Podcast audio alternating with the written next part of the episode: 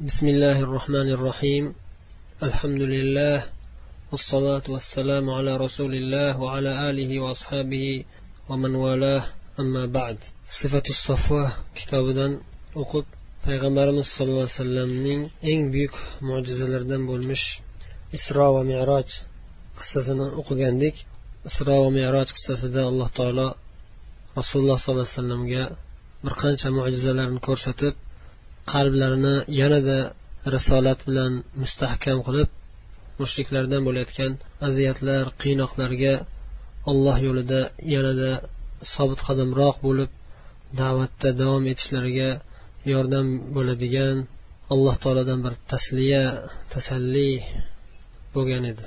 Isro va meroj qissasi. Mana shu qissani o'qib o'tgandik.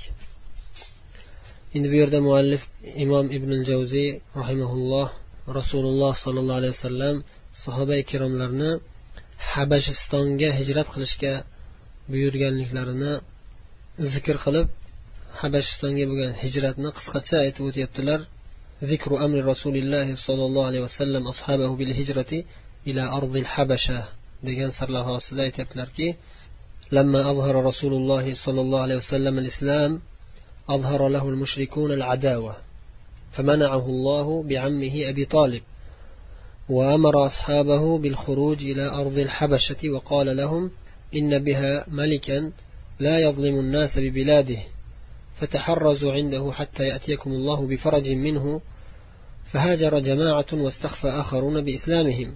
إلى آخر ما قال. رسول الله صلى الله عليه وسلم أصحاب لنا habasha yeriga ya'ni ardul habasha habashistonga hijrat qilishga buyurganliklarining zikri. Rasululloh sollallohu alayhi vasallam islomni oshkor qilganlarida islomga da'vat qilish boshlaganlarida mushriklar u zotga qattiq adovatlarini izhor qilishdi. Shunda alloh taolo o'zining rasulini u kishining amakilari abu tolibning himoyasida himoya qilib turdi. Ya'ni aytmoqchilarki mushriklar islomga kirgan sahobiy ikromlarni aksariyatlarini bemalol qiynoqqa solib majbur qilisha olardi ammo lekin rasululloh sollallohu alayhi vasallamni qiynoqqa tutisha olmasdi chunki amakilari abu tolib himoya qilib turardi. Abu tolib quraysh qabilasi ichida juda ham obro'li qurayshning sayyidlaridan hisoblangan katta hurmat e'tiborga ega. Shuning uchun ular abu tolibning jiyanlari bo'lgan payg'ambarimiz sallallohu alayhi vasallamga qattiq tegisha olishmasdi.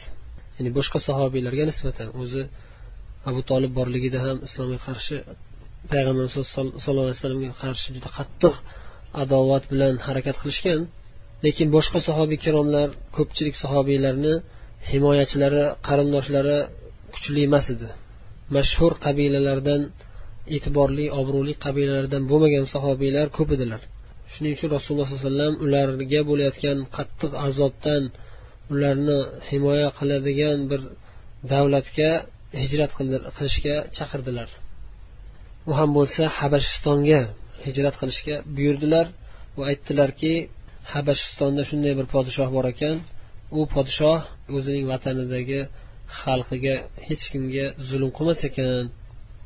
shu podshohni oldiga boringlar toki alloh taolo o'zining huzuridan nusrat va kenglik olib kelgunga qadar dedilar فهاجر جماعة فهاجر جماعة واستخفى آخرون بإسلامهم bir jamoa sahobiy ikromlar hijrat qilishdi va boshqa bir qancha yana ba'zi bir sahobiylar o'zlarining islomlarini maxfiy ravishda saqlab makkada bekinib qolishdi وكان جملة من خرج إلى أرض حبشة ثلاثة وثمانين رجلا واحد عشر امرأة قرشية وسبع غرائب. حبشة هجرة خيان لارنين أمومي sakson uchta أشت إركاك أم ayol قريش أيال qurashiya قرشية أيال bitta أم va boshqa qabilalardan bo'lgan yettita فلما سمعوا بمهاجر رسول الله صلى الله عليه وسلم إلى المدينة رجع منهم ثلاثة وثلاثون رجلا rasululloh sollallohu alayhi vasallam madinaga hijrat qilganlar hijrat qilganliklarini eshitishgandan keyin habashistonga hijrat qilgan sahobiy ikromlardan o'ttiz uchta erkak va sakkizta ayol qaytishdi. Bulardan ikkitalari ikkita erkak makkada vafot qilib qolishdi va yettitalarini makka ahli ushlab qoldi. Ulardan yigirma to'rttalari badr jangida hozir bo'lishdi. ya'ni madinaga hijrat qilib rasululloh sollallohu alayhi vasallam bilan birga badr g'azotida qatnashishdi فلما كانت سنة سبع من الهجرة كتب رسول الله صلى الله عليه وسلم إلى النجاشي يدعوه إلى الإسلام فأسلم yettinchi hijriy sana bo'lganda rasululloh sollallohu alayhi vasallam najoshiyga maktub yo'llab islomga da'vat qildilar va najoshiy islomga kirdi ya'ni habash habashistonni podshosi o'sha adolatli podshoh xristian dinida bo'lgan islom dini haq ekanligini tan olgan hurmat qilgan va yettinchi hijriy yil kelganda islomga kirgan. Yana shu maktublarida rasululloh sollallohu alayhi vasallam najoshiydan iltimos qilib ummu habiba roziyallohu anhuni payg'ambarimiz sallallohu alayhi vasallamga nikohlab yuborishini iltimos qildilar. Najoshiy o'zi to'y qilib rasululloh sollallohu alayhi vasallamga nikohlab keyin madinaga yubordi va o'sha yerda najoshiyning diyorida qolgan boshqa sahobiy ikromlarni payg'ambarimiz sollallohu alayhi vasallamga yuborishini iltimos qildilar va najoshiy hamma rasululloh sollallohu alayhi vasallam barcha talablariga rozi bo'lib sahobiy ikromlarni madinaga yubordi فوجدوا رسول الله صلى الله عليه وسلم قد فتح خيبر madinaga yetib kelishganda rasululloh sollallohu alayhi vasallam haybar diyorini fath qilganlar. Haybar madinadan taqriban ikki yuz kilometr uzoqlikda shimoliy tarafda joylashgan mashhur shahar. U yerda yahudiylar ham yashardi. Haybar qissasi juda mashhur haybar g'azoti mashhur g'azotlardan. Buni sira nabaviyada batafsil qissalari zikr qilinadi. Bu haybarni fath qilish e, boshlanishi aslida ahzob g'azotiga qaytadi. Chunki payg'ambarimiz sollallohu alayhi vasallamni da'vatlari kuchayib davlatlari kengayib ketayotganini ko'rolmagan yahudiylar payg'ambarimiz sallallohu alayhi vasallam bilan bo'lgan sulhga xiyonat qilishib makka mushriklarini va boshqa arab qabilalarini to'plashib jamlashib shu madinada madinaga bostirib kelib muhammad va muhammadning ashoblarini qirib yo'qotaylik deyishadi. Shunda haybar yahudiylari boshchiligida bo'ladi. Ya'ni haybar yahudiylarini harakati tashabbusi bilan e, bo'ladi. Bu ahzob handaq g'azotini kelib chiqishi. Madinaga bostirib kelishadi o'n ming askar bilan. Madinani o'rab olishadida ichkarida bani qurayza degan yahudiy qabilasi bularga qo'shilishib ichkaridan qo'zg'olon ko'tarishga tayyorlanishadi. Tashqaridan mushriklar makka mushriklari va haybar yahudiylari va bir qancha arab qabilalari bosib kelgan bo'ladi. Lekin alloh taolo ularni hammasini mag'lubiyatga uchratib hech qanday urush jangsiz hammalari mag'lubiyatga uchrab qaytib ketishadi. Shunda haybar yahudiylarining xiyonatiga javoban rasululloh sollallohu alayhi vasallam haybarni fath qilishga qasd qilgan bo'ladilar. Ahzob g'azotidan keyin oltinchi sanada makkani makkaga umra qilish uchun yo'l oladilar va oxiri sulhul hudaybiya bo'lib hudaybiya sulhida makka mushriklar bilan sulh tuzib qaytib kelayotib keyin haybarga boradilar haybarni borib fath qiladilar mana shunda ya'ni yettinchi hijriy sana kirgan bo'ladi yettinchi sanada keyin mana shu habashistonga hijrat qilgan sahobiy ikromlardan bir qanchalari ikkinchi jamoa qaytib kelishadi endi bu yerda muallif rahimaulloh ذكر مقدار إقامة رسول الله صلى الله عليه وسلم بمكة بعد النبوة payg'ambar bo'lib kelganlaridan keyin rasululloh sollallohu alayhi vasallam makkada necha yil turganliklarini zikri deb qisqacha aytib o'tyaptilar xulosasi shuki as sahih ma akhrajahu al-buxoriy va muslim fi sahihayn min hadith ibn abbas roziyallohu anhuma أن النبي صلى الله عليه وسلم أقام بمكة ثلاث عشرة سنة بخاري ومسلم رحمهم الله رواية خشكان hadisda ibn abbos aytadilarki nabiy sollallohu alayhi vasallam makkada o'n uch yil turdilar ya'ni payg'ambar bo'lib kelganlaridan keyin o'n uch yil muddat makkada da'vat qilib turdilar keyin madinaga hijrat qildilar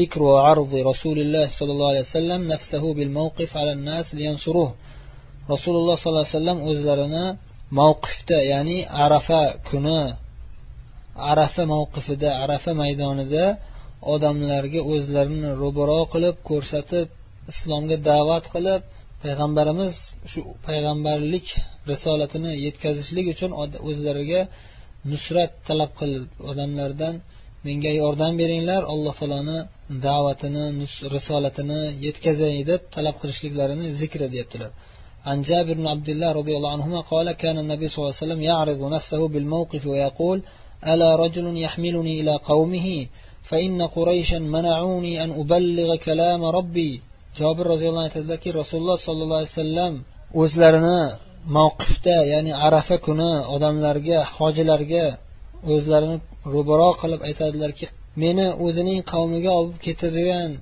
o'zining qavmiga olib borib himoya qilib da'vatga yo'l ochib beradigan kim bor? Quraysh meni allohning parvardigorimning kalomini yetkazishdan da'vat qilishdan to'sishyapti mani menga yordam beradigan kim bor deb aytardilar. Ravohi termiziy imom termiziy rivoyatlari. Ma'lumki quraysh va boshqa arab qabilalari hammalari haj qilishardi. Arablar haj ibodatini ibrohim alayhissalom davridan beri ado etib kelishadi. Lekin o'sha ibrohim alayhissalom dinlariga ibrohim va ismoil alayhissalom dinlariga ko'p o'zgartirishlar kirgizib yuborishgan edi. Ammo ba'zi bir ahkomlar saqlanib qolgandi. Jumladan umuman olganda haj ibodati saqlanib qolgandi. Haj ibodatini bajarishardi. Mushrik bo'lishgan bo'lsa ham ammo lekin haj qilishardi. Mana shu haj mavsumida rasululloh sollallohu alayhi vasallam o'zlarini haj qilayotgan turli xil arab qabilalaridan kelgan odamlarga o'zlarini ro'baro qilib ko'rsatib payg'ambar ekanliklarini aytib islomga da'vat qilib hijrat qilishga joy qidirardilar lekin ming afsuslar bo'lsinki hamma qabilalar bundan bosh tortadi magaram ansoriylar ya'ni madinadan kelgan avs va hazraj qabilasidan bo'lganlar bunga rozi bo'lishadi buning qissasi keladi hozir وعنه قال مكث رسول الله صلى الله عليه وسلم بمكة عشر سنين يتتبع الناس في منازلهم بعكاظ ومجنة وفي المواسم بمنى يقول من يؤويني من ينصرني حتى أبلغ رسالة ربي وله الجنة رسول الله صلى الله عليه وسلم makkada o'n yil ya'ni avvalgi uch yilgi maxfiy bosqichda bo'lgan payt hisoblamasdan aytganda ya'ni avvalgi uch yil marhala sirriya sir maxfiy ravishda da'vat qilingan bosqichni hisoblanmaganda o'n yil ochiqcha da'vat qilgan muddatlarini aytyaptilar o'n yil odamlarni tushgan joylariga borib ya'ni haj qilish uchun kelgan odamlar tushgan joylariga borib xaymalariga borib ukoz bozori mijanna bozoriga borib odamlarni da'vat qiladilar. Va fil mavasim mavsumlarda ya'ni haj mavsumlarida minoga ham borib aytadilar.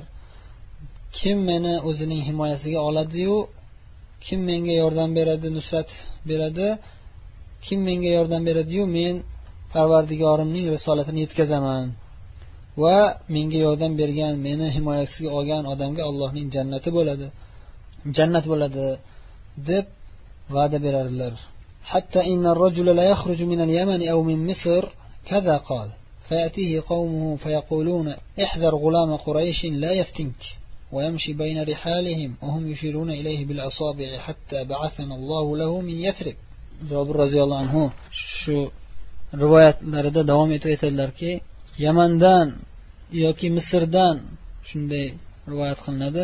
Yamandan va misrdan hajga kelmoqchi bo'lgan odamga o'zining qavmi kelib aytishardiki ey falonchi qurayshning yigiti bor bitta quraysh qabilasida bitta yigit chiqqan shundan ehtiyot bo'lgin sani fitnalantirib qo'ymasin deb aytishardi. Ya'ni muhammad sallallohu alayhi vasallamni ko'zda tutib seni da'vat qilib diningdan qaytarib fitnalantirib qo'ymasin deb ogohlantirishardi. Hamma qabilalar shunday o'rganib qolishgan payg'ambar sallallohu alayhi vasallam har yili da'vat qilaverganlaridan hojilar ham har yili shunaqa bitta da'vodan da'vat qiladi deb bilib qolishgan ularni o'sha tuyalari markablari karvonlari orasida yurib payg'ambar sallallohu alayhi vasallam islomga da'vat qilardilar. Odamlar bo'lsa haj uchun kelgan arablar bo'lsa da'vatga allohning da'vatiga javob bermasdan payg'ambarimizga barmoqlari bilan ishora qilishardida. Mana shu mana shu o'sha odam. Bizni qavmimiz qavm qarindoshimiz qattiq ogohlantirgan odam mana shu bo'ladi deb qo'llari bilan ishora qilishib undan ehtiyot bo'linglar deb payg'ambarimizni shunday ermak qilishardi shunday masxara qilishardi. Jobir roziyallohu anhu aytadilar hatta lahu min yasrib. To shunday kun keldi alloh taolo bizni rasululloh sollallohu alayhi vasallamga iymon keltirish uchun yasribdan ya'ni madina munavvaradan olloh bizni chiqardi. Hajga keldik. Bas biz ya'ni ansoriylar madina ahli payg'ambarimizni himoyamizga oldik u kishiga nusrat yordam berdik va u kishini tasdiqlab u kishiga iymon keltirdik فيخرج الرجل منا فيؤمن به ويقرئه القرآن فينقلب إلى أهله فيسلمون بإسلامه madina ahli shunday islomga kirib ketishadigan bo'lishdiki madina ahlidan odamlar haj qilish uchun makkaga kelardi Va payg'ambarimiz bilan uchrashib payg'ambarimizga iymon keltirardi va payg'ambarimiz unga qur'ondan o'rgatardilar. Keyin hajdan keyin o'z ahli qavmi qarindoshiga o'zining ahli qarindoshlariga qaytib borib ularni ham da'vat qilardi ular ham islomga kirishardi. Bu odam islom kirganligi uchun o'zlarini qarindoshlari islom kirganligi uchun qolgan qarindoshi islomga kirib ketishardi. حتى لم يبق دار من دور الأنصار إلا وفيها رهط من المسلمين يظهرون الإسلام hatto shu darajada ansoriylar madina ahlida ichida islom keng tarqaldiki hatto ansoriylardan biron bir hovli qolmadiki illo o'sha hovlida bir jamoa musulmonlar islomni izhor qilishar qilishgan edi islomga kirib islomni izhor qilishadigan musulmonlar bor bo'lib qoldi. Shu darajada ko'p bo'ldiki ya'ni islomga kirmagan ansoriylarning qavmi qarindoshlari oilalari ichida biron bir oila topilmasdi. Illo shu oilani ichida albatta bitta ikkita yoki bir qancha musulmonlar bor edi. Musulmonlar ko'payishib ketgandan keyin ansoriylarni ichida musulmonlar soni ko'paygandan keyin hamma musulmonlar o'sha ansoriylar yig'ilishib aytishdiki bir birlariga hatta rasululloh sollallohu alayhi vasallam yutradu fi jibali makka va yaxof. Qachongacha biz rasululloh sollallohu alayhi vasallamni makka tog'larida qochib qo'rqib yurishlariga sabr qilib yuramiz qachongacha shunday holda tashlab qo'yamiz? Rasululloh sollallohu alayhi vasallamni qachongacha shunday holda makkada makka tog'larida qochib bekinib qo'rqib yurishlariga yurgan qo'rqib yurgan holatlarda tashlab qo'yamiz? borib olib kelaylik deyishdi.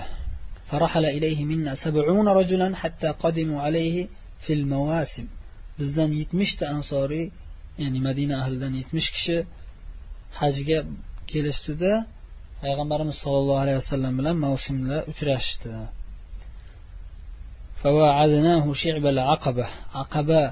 Makkada o'sha tog'larni orasida bir chekkada uchrashishga kelishishdi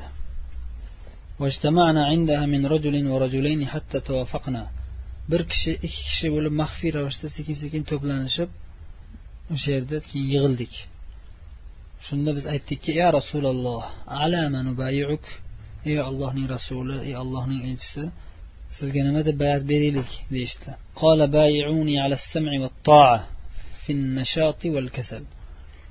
Menga har doim bemalol bo'lgan vaqtinglarda ham og'ir holatlarda ham itoat qilishga quloq solib itoat qilishga bayat beringlar. Qiyinchilikda ham yengillikda ham xayr ehson qilishlikka mol mulklarni olloh yo'lida tikishga olloh yo'lida sarflashga bayat beringlar. Amri ma'ruf va nahy anil munkar. Amri ma'ruf va nahiy munkar qilishga ham yaxshilikka buyurib yomonlikdan qaytarishlikka da'vat qilishlikka bayat berasizlar olloh yo'lida haq so'zni aytishlikka olloh yo'lida haq so'zni aytishda malomatchilarning malomatidan qo'rqmasdan ayta olishga va'da beringlar bayat beringlar وعلى أن تنصروني وتمنعوني إذا قدمت عليكم مما تمنعون منه أنفسكم وأزواجكم وأبناءكم ولكم الجنة وينا شنga bayat berasizlar shunday narsaga bayat beringlarki qachonki men sizlarni oldingizga hijrat qilib kelsam sizlar ana shunda menga yordam berib meni himoya qilinglar xuddi o'zingizni joningizni va o'zingizni ahli oilangizni va farzandlaringizni himoya qilgandek meni ham himoya qilishga va'da beringlar shunga bayat beringlar sizlarga shunda jannat bo'ladi dedilar. Sizlarga jannat va'da dedilar. قال فقمنا إليه فبايعناه وأخذ بيده أسعد بن زرارة وهو من أصغرهم وقال رويدا يا أهل يثرب فإنا لم نضرب أكباد الإبل إلا ونحن نعلم أنه رسول الله وإن إخراجه اليوم مفارقة العرب كافة وقتل خياركم وأن تعضكم السيوف فإما أنتم قوم تصبرون على ذلك وأجركم على الله وإما أنتم قوم تخافون من أنفسكم جبينة فبينوا ذلك فهو أعذر لكم عند الله. فقلنا أمط عنا يا أسعد فوالله ما ندع هذه البيعة أبدا ولا نسلبها أبدا. قال فقمنا إليه فبايعناه فأخذ علينا وشرط ويعطينا على ذلك الجنة. jobir roziyallohu anhu aytadilar biz turib rasululloh alayhi vasallamga bayat berdik. Mana shu rasululloh alayhi vasallam aytgan narsalarga amal qilishga va'da berib bayat berdik. Shunda ichimizdan asad ibn zurora roziyallohu anhu bizni ichimizda eng yosh yigitlardan bo'lgan asad ibn zurora turib bizga qarata aytdiki ey ahli yatrib ey madina ahli ruvaydan shoshmanglar shoshmay turinglar yaxshilab eshitib olinglar. Biz tuyalarimizga minib safarga chiqib bu yerga kelishimizda aniq bilardikki bu kishi rasululloh sollallohu alayhi vasallam. Rasululloh sollallohu alayhi vasallam allohning rasuli ekanligida hech qanday shak shubhamiz yo'q edi. Lekin bugun rasululloh sollallohu alayhi vasallamni makkadan olib chiqib ketish bu degani butun hamma arablarga qarshi kurash degani sizlarni ichida eng yaxshi odamlar qatl qilib ketilish qirilib ketishdi degani. Hali qilichlar sizlarga boshingizga qilichlar tushishi qilichlarning zarbasi urilishi degani bu. Bas endi sizlar yo mana shu narsalarga sabr bardosh beradigan qavm bo'lasizlar. Agar shunday bo'lsanglar albatta ajri savobinglar allohga allohning huzurida. Yoki bo'lmasam sizlar o'zinglardan o'zinglardan o'zinglarni joninglarni yaxshi ko'radigan qo'rqoq qavm bo'lishinglar ham mumkin. O'shani sizlar ochiq aytib qo'yinglar hozir. Hozir ochiqchasiga o'zinglarni kimliginglarni oshkor qilib qo'ysanglar allohni huzurida uzuringlarni bayon qilgan bo'lasizlar. O'shaning uchun hozir ochiq bo'linglar deyaptilar. Shunda ansoriylar aytishdiki asad qoch bizdan. Yo'limizni to'smagin ey asad. Qasam allohgaki biz bu bayatimizni hech qachon tashlamaymiz. Va hech kim bizdan bu bayatni tortib olib qo'yolmaydi biz mana shu yo'ldan qaytmaymiz aslo. Payg'ambarimizga sodiq bo'lib payg'ambarimiz sallallohu alayhi vasallamni barcha holatlarda himoya qilishdan qaytmaymiz deyishdi. Jobir roziyallohu anhu aytadilarki shunday qilib biz o'rnimizdan turib rasululloh alayhi vasallamga qo'limizni berib bayat berdik. Bizdan va'dalarni oldilar shartlarini qo'ydilar. Uning muqobilida bizga jannatni va'da qildilar. Endi yana bu yerda ibn javziy rahimaulloh shu aqabada berilgan bayatni batafsilroq zikr qilib keltiryaptilar zikrul aqabati va kayfa jaro. Aqaba bayati qanday bo'lganligini zikri.